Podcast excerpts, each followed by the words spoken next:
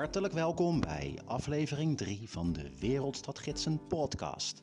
Mijn naam is Peter Bijl, oud Wereldstadgids in Berlijn en nu voor jou de host van deze aflevering. Wereldstadgidsen is een netwerk van Nederlandstalige kwaliteitsgidsen wereldwijd. Op dit moment zijn wij in zo'n 30 steden vertegenwoordigd. In de meeste van die wereldsteden zou het nu toeristisch hoogseizoen zijn. Maar het coronavirus heeft de wereld drastisch binnenstebuiten gekeerd. Ook de reiswereld.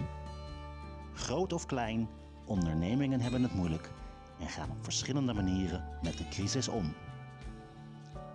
Dit geldt ook voor de ondernemers binnen ons Wereldstadgidsen-netwerk. In deze aflevering hoort u er drie.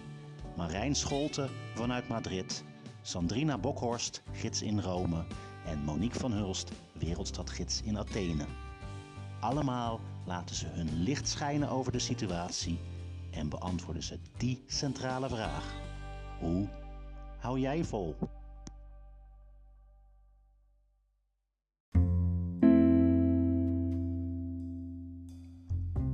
Heb ik Marijn Scholte. Marijn is wereldstadgids in Madrid. En van alle Europese hoofdsteden is Madrid wel degene die het zwaarst getroffen is door het coronavirus. Grote politieke impact in het land, heel grote impact in de gezondheidszorg. We zien allerlei verschrikkelijke beelden uit de ziekenhuizen. En de stad, het publieke leven, ligt al weken stil. Dat gaat nog een paar weken zelfs extra duren.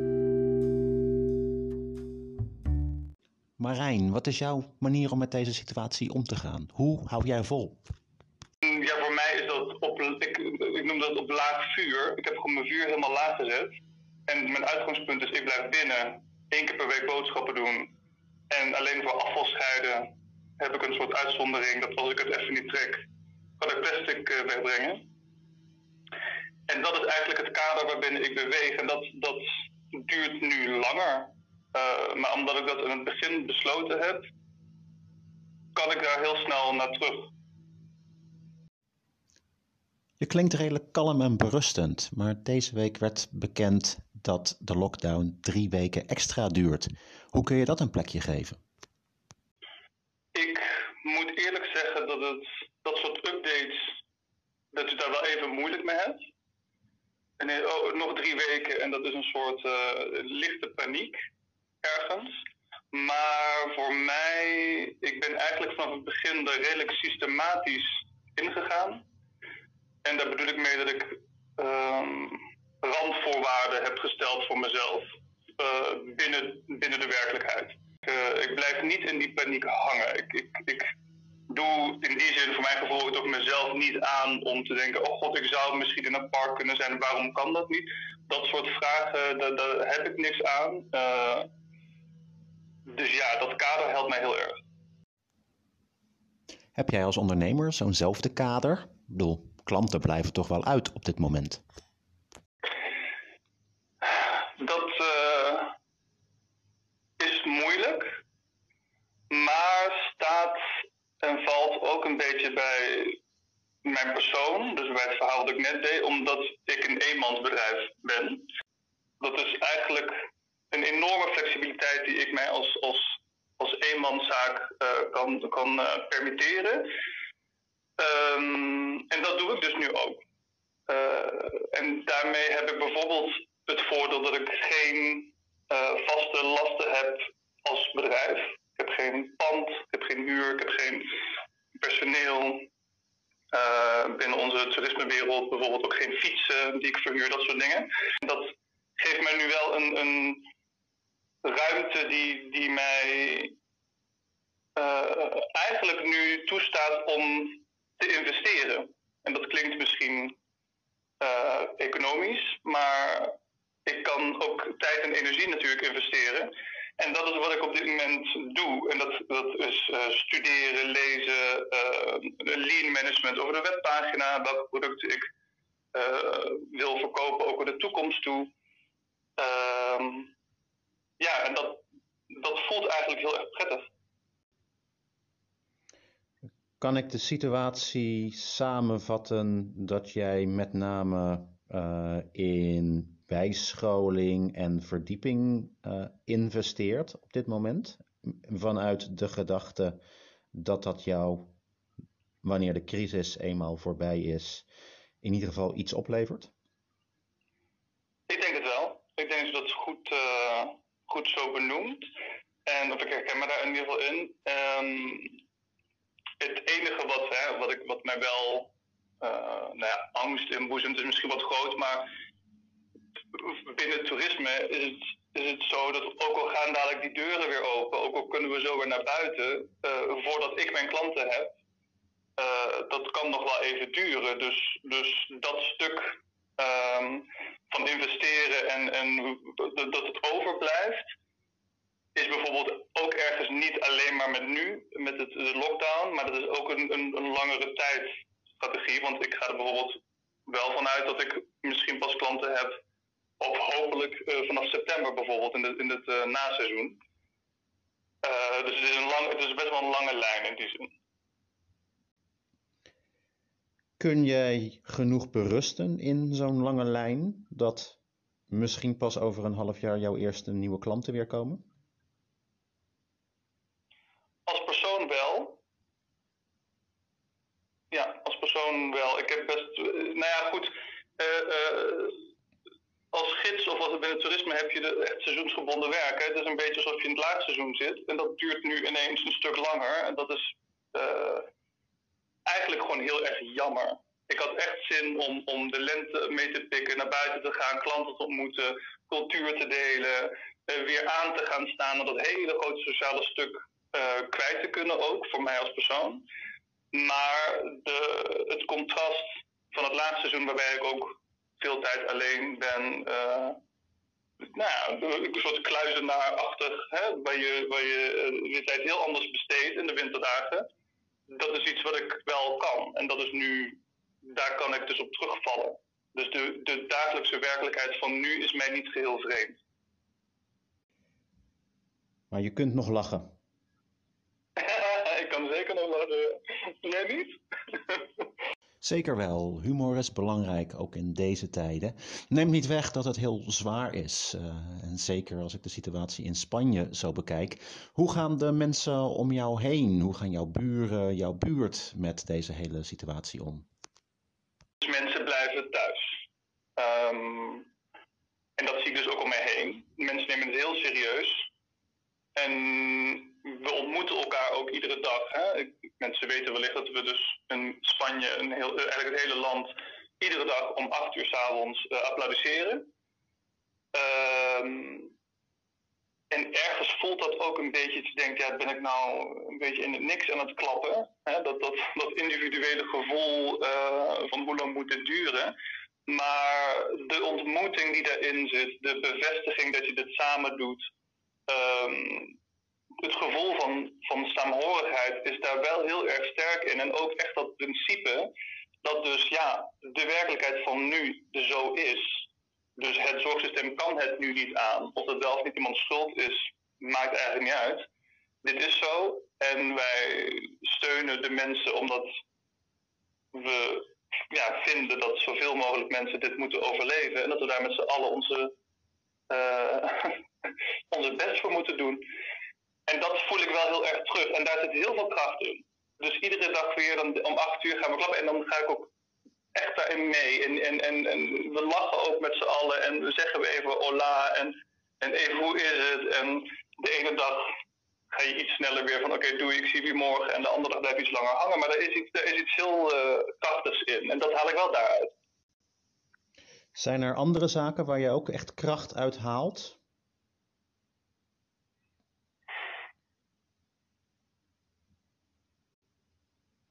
Contact met mensen via dan, hè, de, de, de, verschillende wegen, zoals videobellen, uh, dit gesprek nu. Uh, daar haal ik wel kracht uit, ja. Het, het, contact houden, ook met Nederland, mensen daar, dat stuk cultuur, wat ik ook heel erg prettig vind. Uh, dat je niet alleen bent, dat je ook af en toe wel dat stukje politiek of filosofie kan, kan, kan uiten van je zorgen. En dan weer terug kan gaan op je, op je basishouding die, jou, die je dan doet, hè, het, doet doorstaan. Ik denk dat dat sociale stuk voor mij heel belangrijk is, ja. want het feit is dat ik hier wel alleen zit thuis.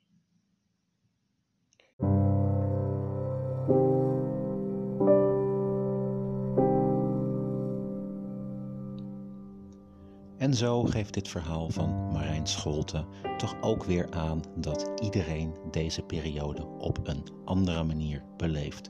Iedere stad is anders, ieder persoon is anders en ieder land is anders. Maar zo zwaar getroffen als Madrid en als Spanje zijn maar weinig plekken op deze aarde.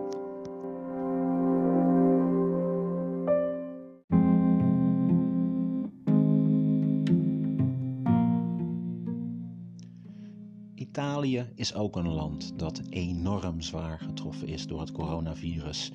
Wellicht heeft u daar in de afgelopen uitzending van deze Wereldstadgidsen podcast al iets meer over gehoord.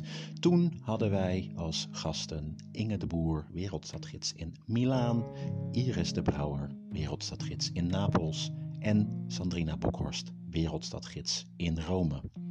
En ja, die stad, Rome, is normaal gesproken in deze periode, het voorjaar, april, de periode rond Pasen, krankzinnig druk.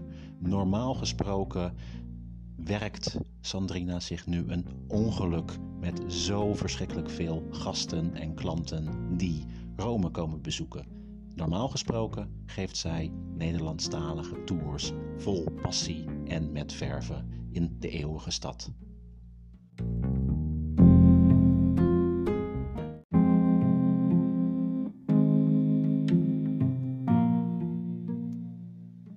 Niets daarvan op dit moment. Sandrina is in Nederland en wacht op het groene licht, of moeten we misschien zeggen de witte rook, om naar Rome te mogen.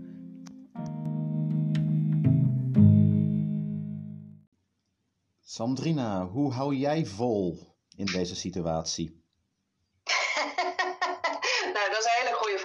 Met name natuurlijk door het, uh, door het contact houden met uh, lotgenoten. En niet alleen met lotgenoten, ook met mensen die je kunnen inspireren en die je nieuwe ideeën geven. Maar contact houden is een, is een hele belangrijke, moet ik zeggen. En ook met mijn klanten. ik merk ook dat het contact houden met de klanten, dat, dat geeft heel veel aardige reacties.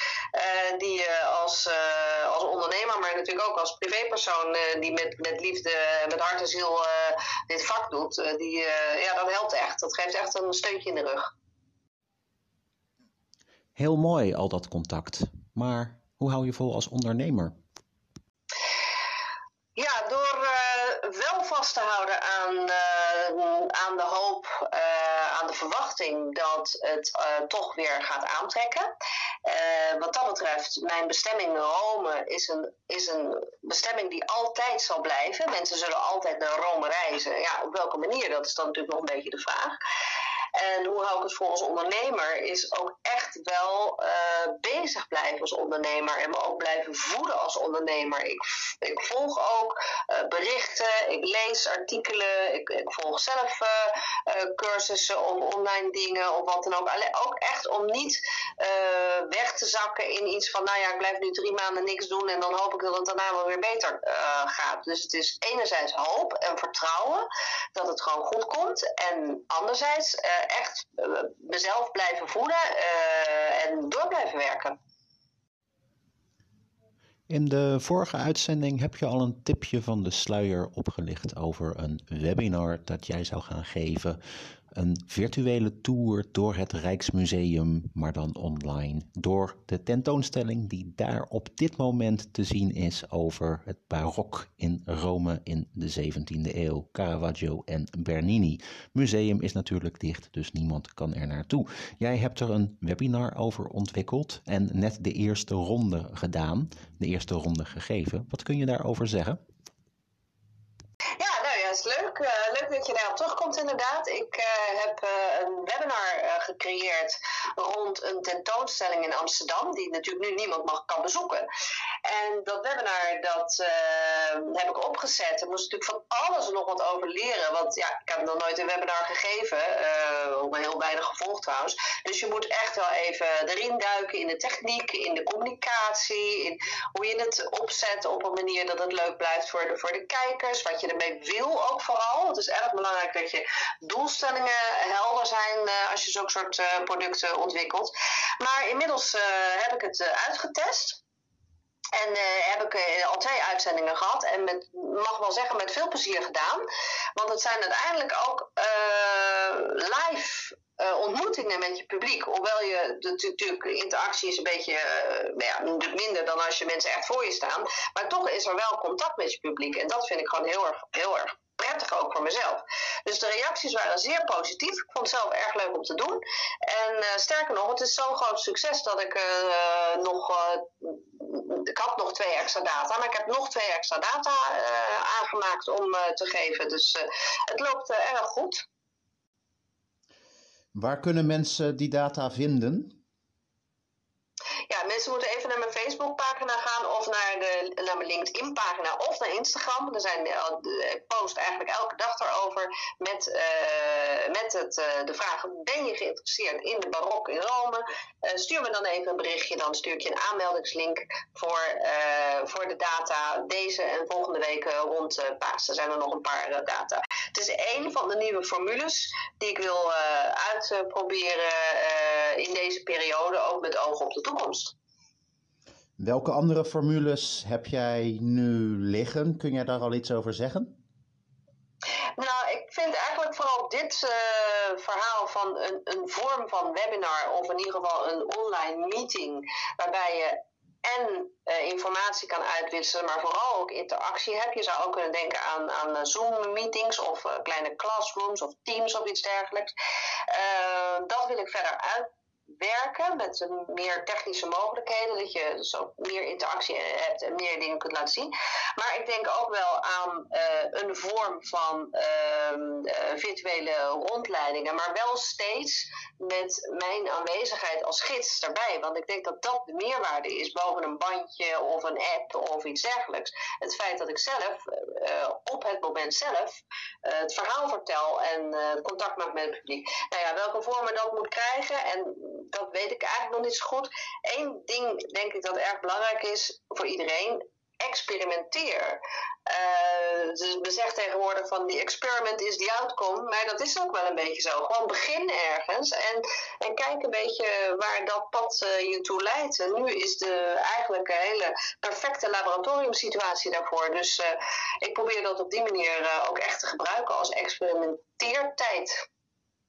Dit uh, experiment brengt ons nu naar het Rome van de 17e eeuw. We gaan een klein stukje luisteren uit jouw webinar. Sandrina, bedankt. Dankjewel.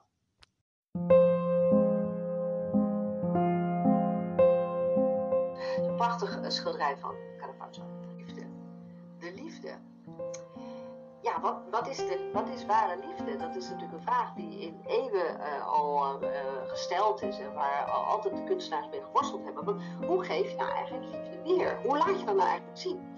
Um, zeker in het Rome van de 17e eeuw, waarin de liefde vooral werd opgevat als ook de sensuele liefde en de, de, de, de, de erotiserende liefde. En hoe ga je daar nou mee om in een tijd dat de, de kerk natuurlijk toch strenge regels stelt over dat soort gedrag, die in de praktijk natuurlijk helemaal niet werden nageleefd.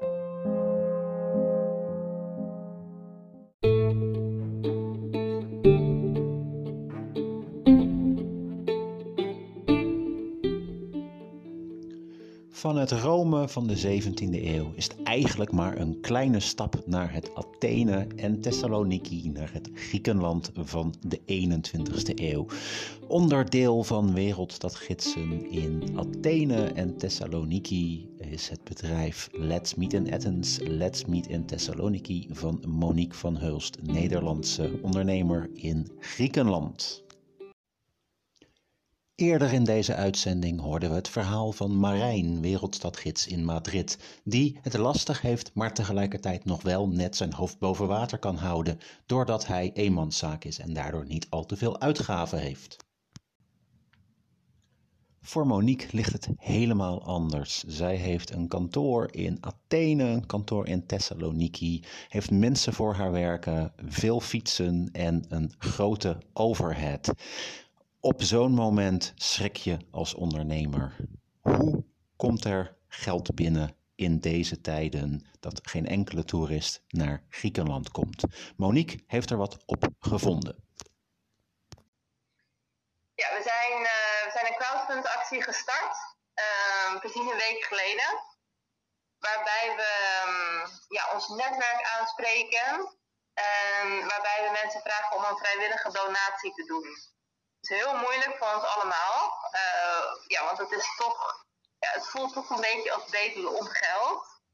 Um, maar we doen het puur om het bedrijf te laten bestaan in de vorm zoals het nu is. Dus om met de mensen door te kunnen die nu in dienst zijn, om de kantoren te behouden die we hebben. Uh, maar onze kosten zijn echt heel erg hoog. We zitten sowieso al ongeveer ja, meer dan 5000 euro kosten per maand. Um, dus als dit een heel seizoen gaat duren, dan loopt dat behoorlijk op. Als dat om een paar maanden gaat, oké, dan kunnen we dat prima opvangen. Maar gaat dit echt duren tot volgend jaar zomer, voordat we weer uh, op onze normale manier geld kunnen verdienen, uh, dan wordt het gewoon te veel. Wat is de tussenstand voor zover je daarover kunt spreken na een aantal dagen? En wat is het doel? We zitten bijna aan de um, 5000 euro. Um, ja, als ik zeg wat het doel is, dat is eigenlijk 65.000 euro. En ja, ik denk echt dat heel veel mensen als ze dit horen gaan, uh, gaan knipperen. En denken van nou, waarom heb je zoveel geld nodig? Ja, dat is dus echt puur om, um, ja, om de basiskosten te dekken. Dus de kosten van het personeel, om het personeel te kunnen behouden wat we nu hebben. Om er ook voor te zorgen dat zij gewoon kunnen leven. En dat gaat dan echt niet om hele hoge salarissen.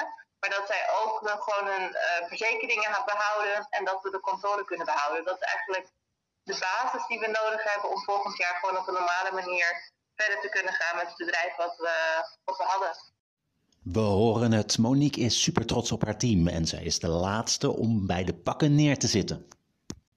Ja, samen maken we dit. Dus het is niet zo dat die mensen vervangbaar zijn. Het is niet zo dat ik ze nu ontsla en dat ik over een paar maanden gewoon weer wie dan ook aan kan nemen. Ik wil gewoon verder met deze mensen en op deze locatie.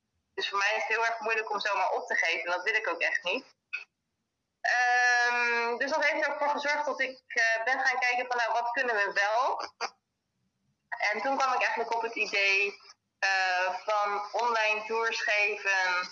Uh, ja, ik zag ook dat heel veel mensen, onze klanten, eigenlijk heel erg teleurgesteld zijn dat ze niet kunnen komen. Dus die willen we een ervaring aanbieden waardoor ze toch nog een stukje Athene mee kunnen krijgen of Thessaloniki. En hoe ziet zo'n ervaring eruit?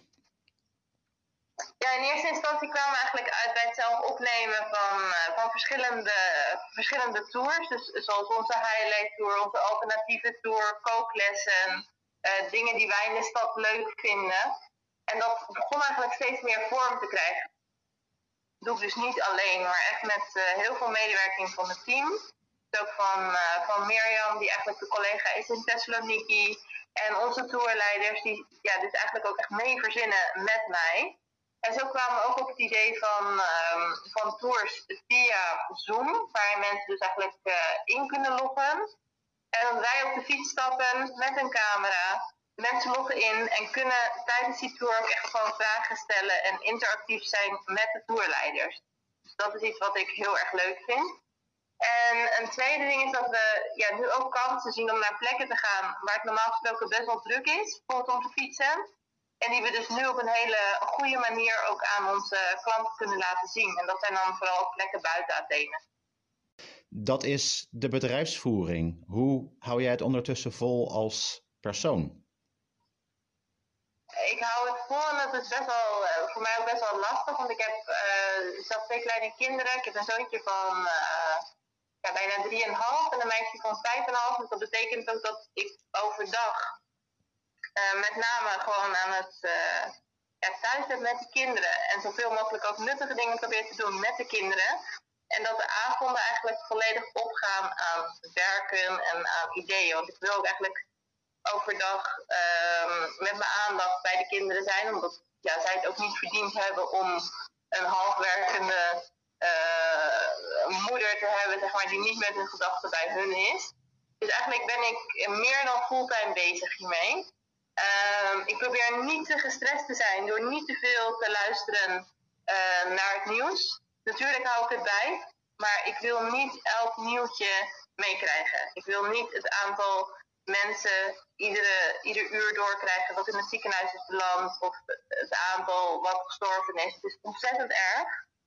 Uh, en ik leef er heel erg mee mee en ik probeer ook gewoon één keer per dag nieuws te kijken, maar dan op vaste momenten en niet meer de hele dag door zoals ik in het begin deed. En ook niet te ver vooruit te kijken. Want er zijn zoveel scenario's mogelijk. Het kan inderdaad zijn dat het een heel seizoen gaat duren. Maar het kan ook zijn dat er morgen een wonder gebeurt waardoor het over is. Leef bij de dag, geef je hier de mensen mee. Ja. ja. Monique, veel dank, heel veel sterkte en succes ermee. En uh, hou het allemaal goed daar in Athene. Dankjewel, Peter. Tot zover Monique van Hulst van Let's Meet in Athens en Let's Meet in Thessaloniki. En op de websites meetinathens.eu en de website meetintessaloniki.eu krijgt u meer informatie over hoe u kunt doneren en bijdragen. Of misschien wel een virtuele tour door Athene of Thessaloniki kunt ondernemen. En met deze ondernemersverhalen van wereldstadgidsen uit Madrid, uit Rome en Athene, die allemaal hun eigen manier hebben van volhouden, komen we aan het einde van deze derde aflevering van de Wereldstadgidsen podcast. Het was mij een groot genoegen deze voor jullie te hosten. Mijn naam Peter Bijl, voormalig wereldstadgids uit Berlijn. En je vindt al mijn collega's in al die prachtige wereldsteden waar we hopelijk later dit jaar misschien nog eens naartoe kunnen op de website www.wereldstadgidsen.com. Hartelijk dank voor het luisteren. Blijf veilig, blijf thuis, blijf gezond en uh, hopelijk tot ziens.